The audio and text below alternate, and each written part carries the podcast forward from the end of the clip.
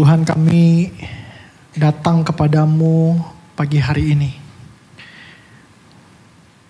Engkau yang melayakkan kami Tuhan masuk dalam hadiratmu Tuhan.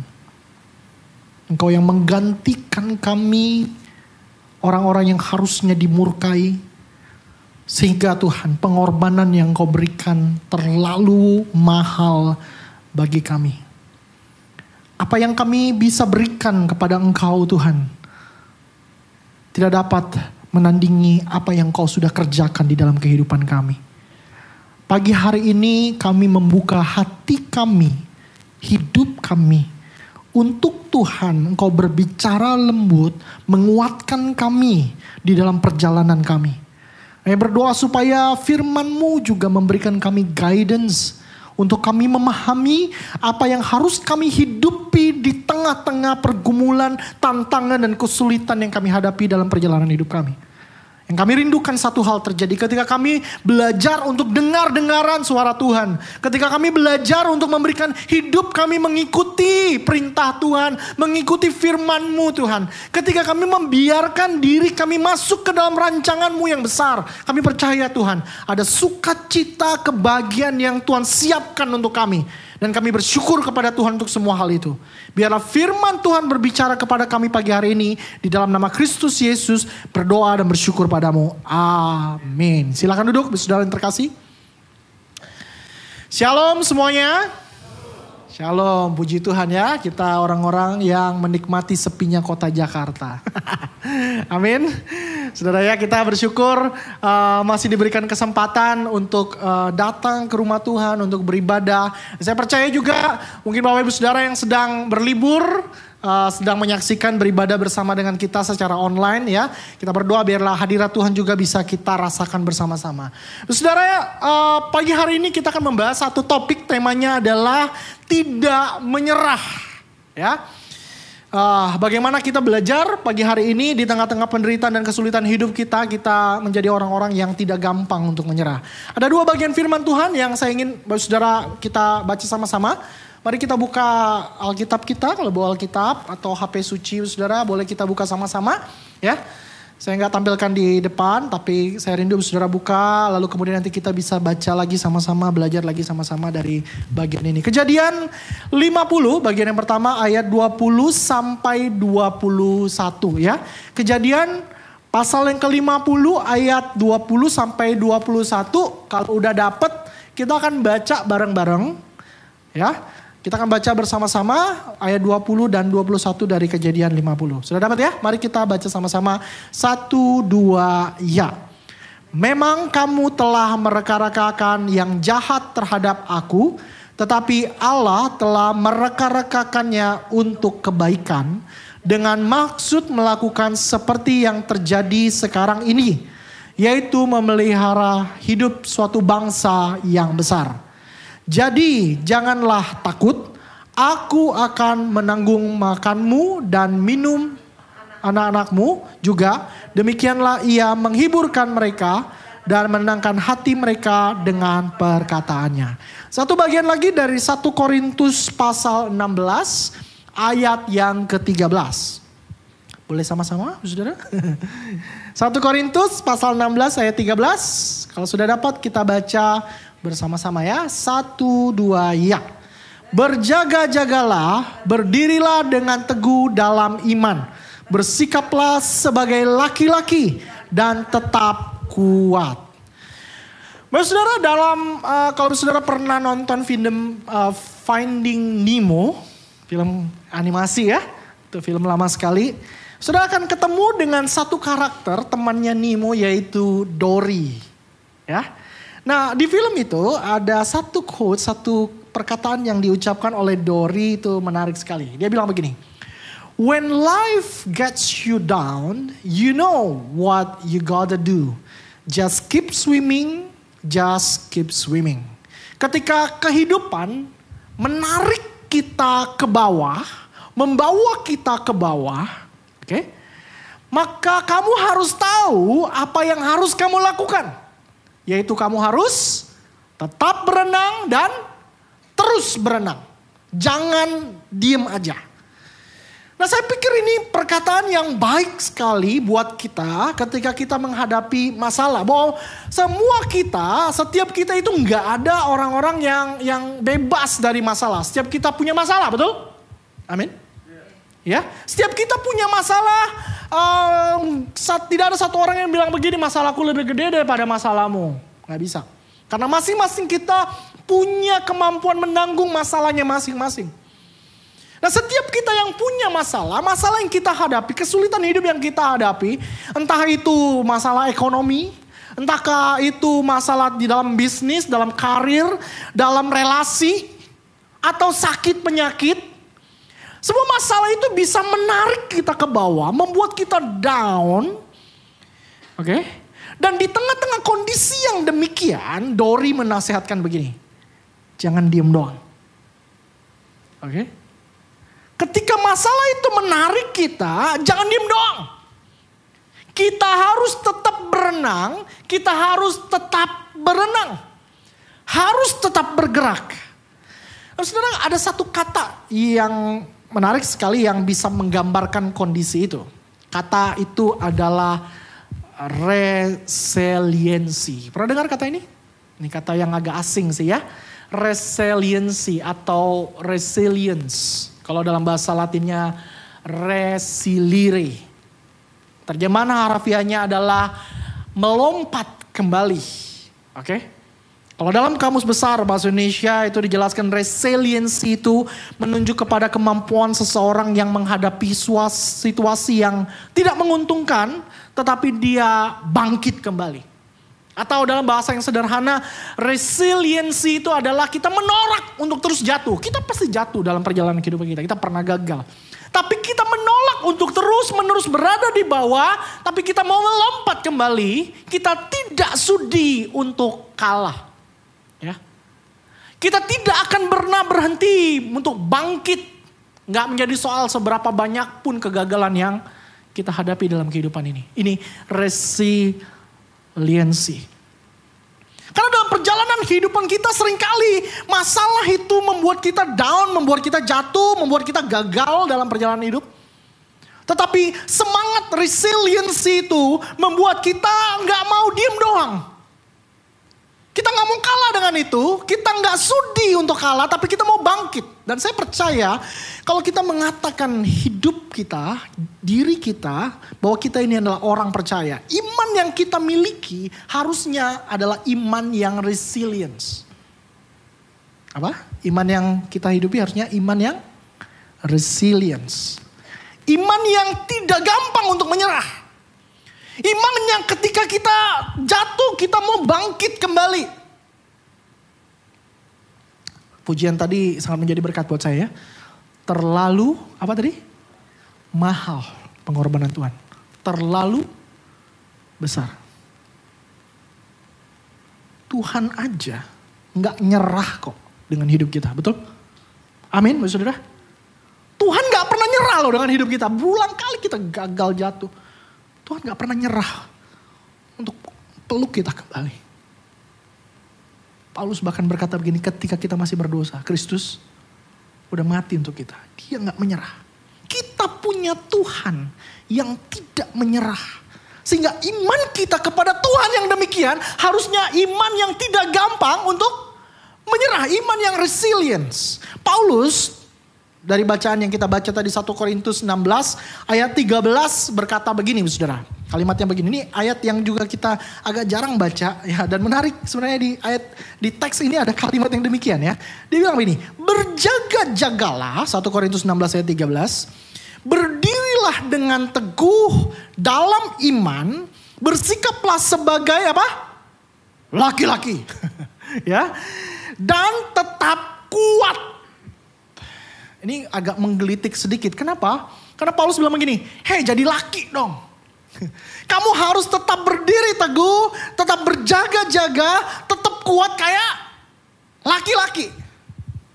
Saya jadi bertanya begini, memangnya kalau dalam perjalanan hidup kita menjalani menjal, menghadapi masalah, kesulitan hidup, tantangan hidup, yang lebih kuat tuh siapa sih? Perempuan atau laki-laki? Perempuan atau laki-laki Bapak Ibu? Yang laki-laki mana suaranya? Pasrah aja ya. Kita makhluk yang lemah. ya. Uh, jujur sekali ya saudara ya. Tapi di sini Paulus bilang begini. Harusnya kan kalimatnya nggak gitu ya Paulus ya. Salah nih ya. Harusnya jadilah kuat kayak perempuan. Tapi kalimatnya nggak begitu saudara. Kalimatnya adalah jadilah kuat seperti laki-laki. Tentu kita harus memahami uh, teks ini, tulisan Paulus ini berdasarkan konteksnya. Paulus itu hidup di di zaman yang didominasi oleh pria, oleh oleh kaum pria. Wanita itu dianggap warga kelas 2, ya. Nggak punya hak, nggak punya eh, opininya nggak dianggap, ya. Dianggap golongan yang lemah. Sehingga waktu ingin menggambarkan kekuatan, gambaran yang paling baik adalah dominasi laki-laki. Maka dia mengatakan kepada jemaat di Korintus dalam perjalanan hidupmu kamu harus jadi kuat. Kayak laki-laki yang punya power, yang punya kekuatan, yang punya dominasi. Nggak mau kalah. Tapi di dalam ayat ini Paulus nggak sedang bicara bahwa kekuatan dom, hanya didominasi oleh pria. Ya. Dan keputusasaan itu bagiannya wanita. Paulus tidak bermaksud demikian. Walaupun pada kenyataannya memang kalau menghadapi masalah kan cewek itu wanita itu gimana? Gampang? Gampang nangis betul ya? Amin ibu-ibu. Atau enggak? Hah? enggak juga ya ada yang kuat ya. Tapi kita percaya kalau ada yang demikian maka tentu itu karena wanita lebih lebih merasa lebih punya emosional yang lebih daripada pria. Bukan karena mereka nggak kuat karena dalam perjalanan sejarah kita menemukan bahwa ada banyak wanita-wanita itu yang jadi teladan uh, sebagai wanita-wanita yang kuat. Saya berikan satu contoh pagi hari ini. Saudara tahu ini? Namanya Susana Wesley. Pernah tahu cerita tentang Susana Wesley? Susana Wesley adalah ibu dari seorang tokoh gereja besar namanya John Wesley. John Wesley itu adalah pendiri ataupun founder daripada gereja metodis. Salah satu denominasi gereja protestan terbesar di seluruh dunia. Ya, Uh, kita punya baptis uh, lumayan gede tapi metodis itu cukup besar sekali di dunia saudara. Dan pendirinya adalah seorang yang namanya John Wesley. John Wesley ini anak daripada Susana Wesley. Susana Wesley tidak hanya membesarkan John Wesley sendiri. Tapi Susana Wesley itu punya 19 orang anak. Saya ulangi ya, 19 orang anak. Kadang ibu-ibu kalau udah punya anak, uh, apalagi uh, ibu-ibu zaman sekarang ya, punya anak dua, tiga, aduh susah lah, mbaknya harus dua, susternya ya. Susana Wesley 19. Kalau mau hire suster, 19 suster. Ini sulitnya luar biasa. Jadi Susana Wesley sulitnya luar biasa. Oke. Okay? 19 anak John Wesley bahkan gambarkan gini. Kalau mau punya waktu dengan mama, itu ada schedule-nya. Sampai punya schedule loh. Karena Susana pengen dalam satu minggu itu dia punya waktu untuk masing-masing anaknya. Jadi dijadwal sama dia. Sampai sebegitunya. Karena 19 orang anak gak muda saudara. Kesulitan itu bukan hanya sekedar Susana Wesley itu harus membesarkan mendidik 19 orang anak. Tetapi dia adalah istri dari seorang pendeta namanya Samuel Wesley. Seorang pendeta Anglikan. Uh, saya disclaimer dulu. Tidak semua istri pendeta itu menderita ya. Enggak ya. Semua kuifa bahagia ya Musa ya. ya istri saya kayaknya sih bahagia. nah, nggak semua istri pendeta menderita ya. Jadi nanti kalau ada punya anak, uh, cucu yang mau menikah sama pendeta, ya di dikasih izin aja. Nggak semuanya menderita kok. Walaupun ada yang menderita juga. nah, saudara, uh, Samuel Wesley, seorang pendeta Anglikan itu nih si pendeta yang sibuk melayani. Sering keluar kota, ya. Tapi bukan itu juga persoalannya. Tetapi Samuel Wesley itu terlilit masalah hutang. Sampai mati dia punya hutang. Yang lunasi hutangnya di kemudian hari adalah John Wesley. Ya. Ini hidupnya udah susah karena harus besarkan 19 orang anak. Ditambah punya suami yang dalam tanda petik agak absen nih dalam kehidupan keluarga. Tapi di tengah-tengah kondisi yang seperti itu, Susana Wesley tetap teguh, tetap kuat. Dia disiplin semua anak-anaknya dan kita tahu pada akhirnya dari didikan Susana Wesley keluarlah seorang yang bernama John Wesley, pendiri sebuah gereja yang cukup besar di dunia. Ada lagi anaknya yang lain namanya Charles Wesley, seorang pengarang lagu hymn yang sangat terkenal. Ini bagaimana mungkin seorang wanita yang yang yang yang bisa dikatakan single parent ini bisa membesarkan 19 orang anak dan anaknya kemudian bisa jadi tokoh besar dunia? Jawabannya sederhana. Karena Susana Wesley punya iman yang resilience. Sehingga banyak kali kita menemukan, jadi Paulus di sini nggak sedang bicara bahwa kalau kamu mau jadi kuat itu kayak laki-laki nggak. Banyak laki-laki juga lemah. Kekuatan bukan monopoli laki-laki. Keputusasaan bukan watak asli perempuan. Karena sesungguhnya kita banyak mendapatkan banyak pelajaran daripada para wanita yang punya iman yang resilience, yang luar biasa. Iman yang resilient seperti wanita-wanita yang kuat itu. Itulah yang mesti kita miliki Bapak Saudara dalam perjalanan hidup kita. Richard Rohr dalam sebuah buku yang dia tulis ini seorang imam Katolik. Dia menulis banyak buku yang juga banyak kontribusi di dunia uh, evangelical Saudara ya. Dia tulis buku judulnya Falling Upward jatuh ke atas. Nah di dalam buku itu dia bilang begini. Jatuh dan gagal merupakan fakta keterbatasan manusia, kerapuhan manusia secara universal. Jadi kalau kita dalam perjalanan kehidupan kita dia bilang jatuh nih. Kita jatuh dalam bisnis kita, dalam relasi kita, gagal dalam usaha kita, dalam pekerjaan, dalam studi kita, atau apa pun bentuknya. John Wesley, uh, uh, Richard Rohr katakan begini, bahwa semua itu adalah kerapuhan manusia secara universal. Bahwa semua orang yang Richard Rohr katakan, semua orang itu pernah jatuh pasti. Karena itu sesuatu yang sifatnya universal.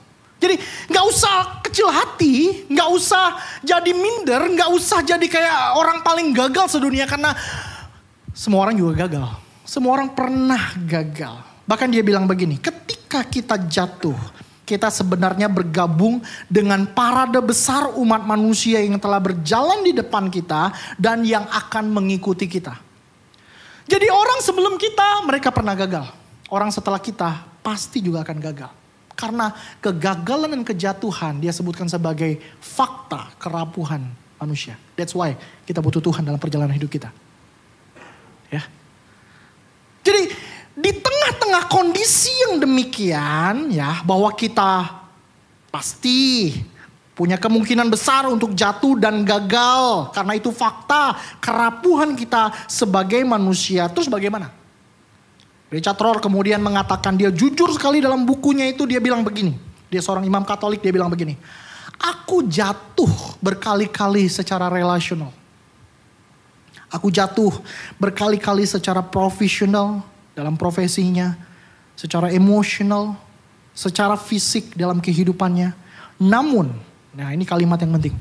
Selalu ada sebuah efek trampolin yang mengizinkanku untuk akhirnya jatuh ke atas, falling upward.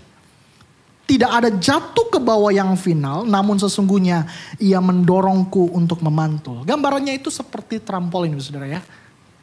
Pernah main trampolin? Katanya sih kalau mau cepet kurus main trampolin.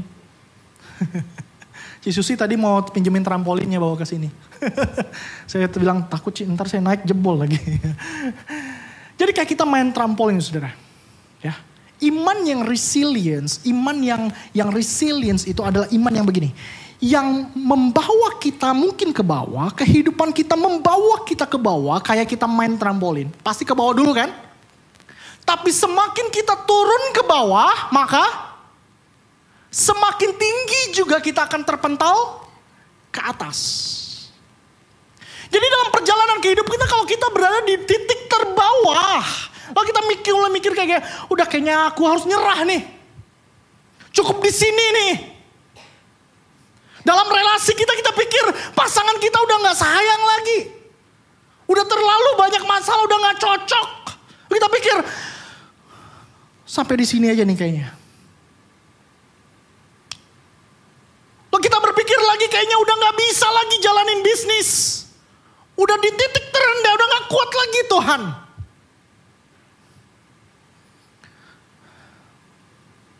Bahkan yang paling buruk sering kali orang pikir gini, udah gak sanggup nahan beban hidup ini.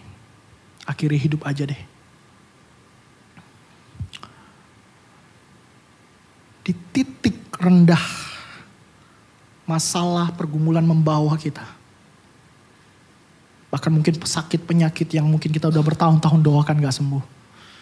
Kita bilang sama Tuhan biasa, kita bilang ini udahlah Tuhan mending mati aja deh. Di titik bawah masalah, kesulitan hidup membawa kita. Pada titik bawah itu kita mesti ingat. Tuhan bisa bawa kita melompat lebih tinggi. Rebouncing, resilience. Saya katakan tadi, iman Kristen adalah iman yang resilience. Itu yang membedakan kita dari orang-orang di luar Kristen. Saya ingin kasih contoh kalau begitu, saudara.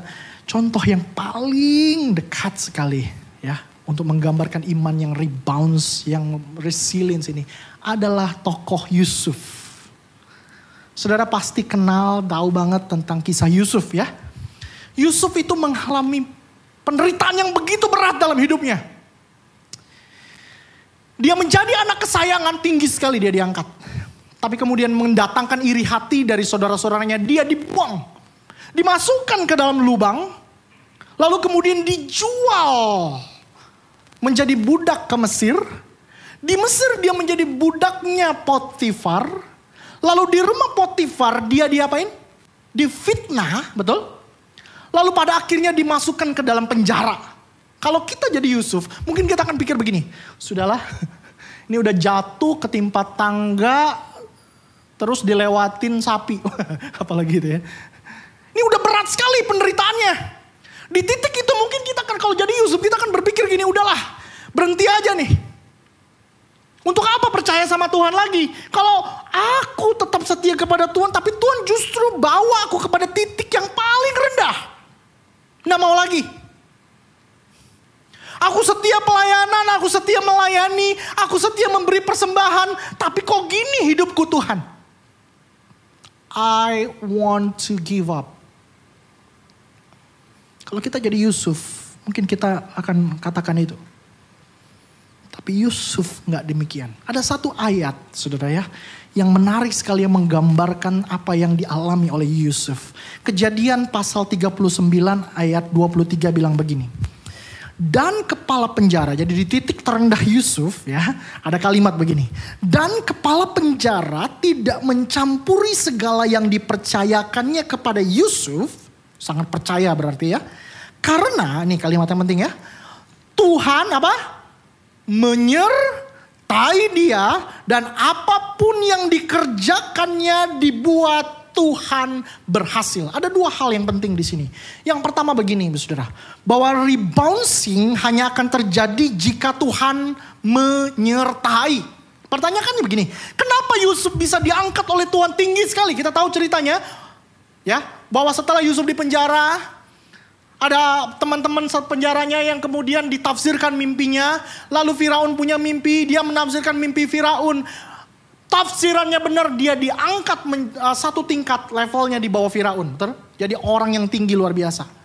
Dan dari situ kita tahu ceritanya bahwa kemudian saudara-saudara Yusuf yang kelaparan bersama dengan ayah dipindahkan ke Mesir supaya mereka tetap hidup. Bangsa Israel tidak mati kelaparan karena ada seorang yang bernama Yusuf di Mesir. Itu kan titik yang rendah sekali lalu Tuhan angkat tinggi sekali. Oke, okay? dan penulis kejadian mencatat begini. Semua itu karena Tuhan menyertai Yusuf. Saya mau katakan satu kalimat. Sehebat apa pun kita, semahir apa pun kita dalam hidup ini, sepintar apa pun kita, seberuntung apa pun yang kita miliki dalam hidup ini, gak bisa menjamin kita untuk punya kesuksesan dalam hidup. Saya baru-baru lagi dengar uh, satu buku judulnya itu uh, Psychology of Money. Saudara pernah baca buku ini? Ya, atau pernah dengar mungkin orang uh, bawain webinar ya, ini Psychology of Money. Karangan Morgan Housel, boleh dibaca ya. Ini buku sekuler sih, tapi ada yang menarik sekali di dalam uh, buku ini yang dijelaskan oleh Morgan Housel. Jadi dibahas tentang, uh, itu judulnya kan History of apa tuh? uh, of money ya. Jadi dia belajar, dia lakukan riset tentang sejarah uang itu gimana, uh, apa yang membuat orang uh, tetap bahagia, ke kesuksesan dan kekayaan dan sebagainya. Nah di dalam buku itu uh, Morgan Housel dia menulis satu kalimat begini, luck and risk are siblings. Keberuntungan dan resiko itu saudara. They are both the reality that every outcome in life is guided by forces other than individual effort. Jadi mau bilang bahwa begini, keberuntungan dan resiko adalah kenyataan bahwa setiap hasil outcome dalam hidup kita, setiap hasil dalam hidup kita itu dikendalikan atau dipimpin oleh yang namanya disebut forces other than individual effort kekuatan di luar usaha pribadi seseorang. Morgan Housel bilang begini, belajar investasi penting gak? Penting. Belajar bisnis baik-baik penting? Tahu waktunya kapan investasi penting? Penting, ini banyak ahlinya di sini nih. ya. Oke, okay? kemampuan financial managing penting? Penting. Tapi ada satu hal yang Morgan Housel bilang begini, yang dalam sejarah dia lihat bahwa ternyata di dalam setiap perjalanan sejarah orang-orang yang kemudian pada akhirnya sukses menjadi kaya luar biasa, ada faktor yang disebut sebagai luck, keberuntungan. Dan luck inilah yang dia sebut sebagai forces yang ada di luar usaha pribadi seseorang. Kita mungkin tidak percaya yang namanya luck keberuntungan ya. Tapi kita percaya satu hal bahwa segala sesuatu berada di dalam kendali Tuhan. Maka kalau kita berhasil dan sukses, ada forces, ada kekuatan di luar diri kita. Di luar kemampuan kita yaitu berkat dan penyertaan Tuhan. Ma, buku ini menyadarkan orang bahwa gini, oh ternyata nggak sekedar saya mahir jago bisnis, jago investasi. Dia jelaskan cerita tentang Bill, buat saudara bisa baca buku ini ya. Bill Gates tentang uh, Warren Buffett. Sampai kepada satu kesimpulan, ada faktor lucknya. Yang kita sebut di dalam iman Kristen bahwa itu semua adalah berkat Tuhan, anugerah Tuhan, penyertaan Tuhan dalam kehidupan kita. Dan gak bisa enggak. Dan itu yang terjadi kepada Yusuf. Kenapa Yusuf kok bisa tahan begitu luar biasa? Kok bisa sukses ya? Dibuang sebagai budak, dipercayakan di, mengurus uh, rumah daripada Potifar, di, diangkat sebagai kepala rumah tangga. Dibuang ke penjara, dipercaya oleh kepala penjara. Kok bisa ya? Orang di luar Kristen akan sebut itu sebagai luck. Tapi kita percaya bahwa itu penyertaan dan berkat Tuhan. Maka hari ini saya mau katakan saudara. Kalau kita dalam masalah, pergumulan, tantangan, kesulitan hidup. Hidup membawa kita ke bawah. Ingat, rebouncing hanya akan terjadi kalau kita bilang apa? Tuhan aku percaya kepadamu. Gak akan ada pernah rebouncing itu terjadi kalau kita gak mau belajar untuk dekatkan hidup kita kepada Tuhan. No, gak akan pernah terjadi. Jadi kalau kita dalam masalah hari ini jalan keluar satu-satunya hal pertama, the first step that we should take adalah satu hal. Trusting our God. Dia yang bisa membawa kita menuju sebuah kondisi rebounding, melompat lebih tinggi. Tapi ada dua hal, ada ada hal kedua yang perlu kita perhatikan di ayat ini. Saudara coba buka lagi ayatnya ya. Dia bilang begini tapi. Ya. Kalimatnya adalah karena Tuhan menyertai dia dan seterusnya dan apa pun yang dikerjakannya dibuat Tuhan berhasil. Jadi Yusuf diem nggak? Nggak ya? Dia kerja. Maka jangan jadi orang Kristen yang bilang begini, mujizat akan terjadi, gue diem aja. Nah, nah, nah. Dalam teks ini jelas sekali Yusuf kerja. Yusuf konsisten dengan apa yang harus dia kerjakan. Waktu dia dibuang, berada dalam ruang Potifar, dia setia ngerjain apa yang dipercayakan. Dia mengerjakan pekerjaan yang excellence. Waktu dia dalam penjara, kenapa dia bisa dipercaya? Karena dia being excellence. Dia konsisten dengan apa yang dia kerjakan. Ketika kita belajar konsisten, lalu Tuhan menyertai, itu sesuatu yang luar biasa akan terjadi. Bahkan saya berani bilang begini, orang yang dapat anugerah pasti adalah orang yang gak akan tahan kalau dia diem aja. Amin.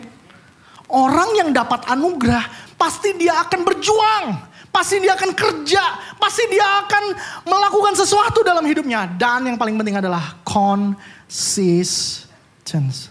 Konsisten. Dunia investasi kita bilang kita kompa, apa compound terus saja ya. Tuhan nanti yang buat sesuatu. Ketawa tuh ya. Saudara, ini sesuatu yang yang yang yang perlu kita pikirkan sama-sama. Waktu kita konsisten, Tuhan akan berkati segala sesuatu. Karena orang yang terima anugerah adalah orang yang akan tetap kerja, konsisten, melakukan sesuatu di dalam hidupnya. Dori bilang apa? Kalau hidup menekan kita, jangan diem aja. Tetap berenang, tetap berenang. Saya ingin tutup dengan satu cerita. Saudara ini ada satu orang anak remaja usia 13 tahun namanya apa ya namanya sebutnya Pek Teara. Ya. Ini seorang anak yang berasal dari negara Kamboja ya. Uh, di Asia. Saudara dia umur 13 tahun dan dia senang sekali naik sepeda. Suatu kali di negaranya di Kamboja itu ada uh, lomba cycling sepeda gunung amatir saudara tahun 2020. Jadi Pek uh, Teara ini berkomitmen untuk pergi ikut uh, mendaftarkan dirinya ikut uh, uh, lomba sepeda gunung. Masalahnya nggak punya sepeda gunung. Adanya sepeda berkarat. Nggak punya baju cycling. Kayak bawa ibu saudara biasa sepedaan kan bajunya keren sekali ya. Nggak punya juga topi buat cycling nggak punya. Nggak punya sepatu yang punya sendal jepit. Jadi dia waktu dia daftar, dia datang kemudian ke uh, tempat perlombaan, dia cuman pakai celana pendek, sendal jepit, baju kaos hitam. Orang-orang pikir, ini anak mau ngapain? Tapi dia daftar dan dia ikut. Sudah seharusnya kalau jadi pek Tiara, dia harusnya lihat, aduh gue nggak punya nih minder ya. Ya udah di pinggir aja deh kita nonton. Tapi dia enggak loh dia berada dalam kondisi yang sulit dan gak beruntung sama sekali seperti anak-anak lainnya. Kita lihat gambar itu ya. Semua anak-anak yang di belakangnya itu pakaian cyclingnya, sepedanya bagus-bagus. Dan ini sepeda gunung loh. Dia kan butuh gear kan. Supaya waktu tanjakan goesnya lebih lebih gampang. Dia gak punya itu. Dia cuma punya sepeda berkarat. Tapi dia bilang, aku tetap pengen ikut lomba. Saudara dia ikut lomba itu. Dan saudara tahu ceritanya. Bahwa di akhir Pekteara yang memenangkan kompetisi itu.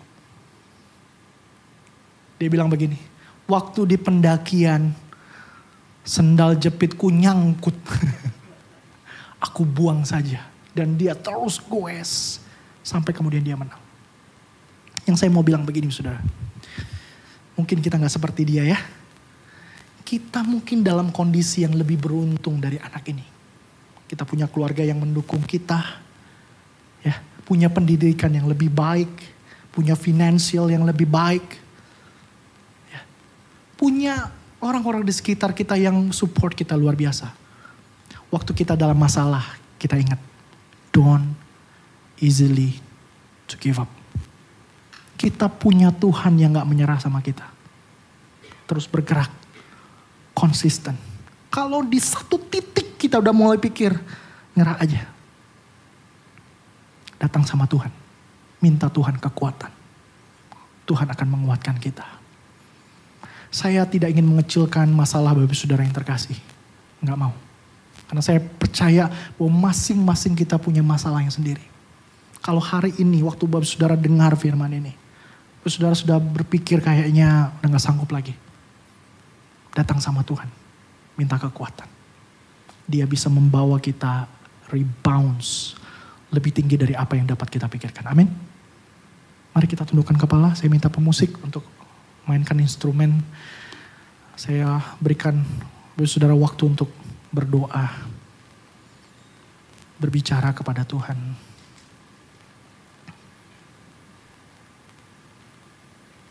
Katakan sama Tuhan, Tuhan terima kasih untuk firman. Kalau ada dari bapak saudara hari ini sedang bergumul berat Mungkin kau bergumul dengan kesehatanmu. Bergumul dengan bisnis. Bergumul dengan relasi pasangan. Atau relasi dengan anak, relasi dengan orang tua. Kau udah bilang sama Tuhan, capek Tuhan. Udah gak sanggup lagi kayaknya. Don't be easily to give up. Dia bisa kasih kita kekuatan untuk kita rebounds dari masalah kita. Bilang sama Tuhan, gak mau nyerah Tuhan. Aku punya Tuhan yang kuat kok. Aku punya Tuhan yang gak pernah give up sama aku. Datang sama Tuhan berdoa. Saya kasih waktu saudara untuk berdoa pribadi kepada Tuhan. Tuhan dengar bapak saudara semua.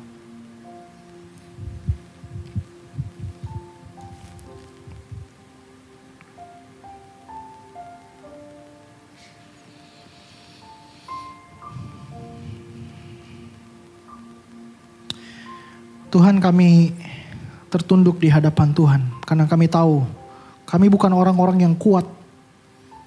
Kami orang yang rapuh, gampang putus asa, gampang minder, gampang kecewa, gampang sekali Tuhan orang-orang ataupun masalah di sekitar kami membuat kami down. Tapi hari ini kami dengar firman-Mu. Dan firman-Mu mengatakan kepada kami bahwa kami punya Tuhan yang kuat. Kami nggak boleh gampang nyerah. Tuhan, kasih kami kekuatan sekali lagi untuk hidup, untuk melangkah. Untuk memperbaiki relasi yang nggak baik. Untuk mengerjakan bisnis yang udah mungkin udah hancur-hancuran. Untuk bangkit lagi melayani Tuhan di tengah-tengah mungkin ada hal yang membuat kami kecewa di dalam pelayanan. Kami mau bangkit lagi Tuhan.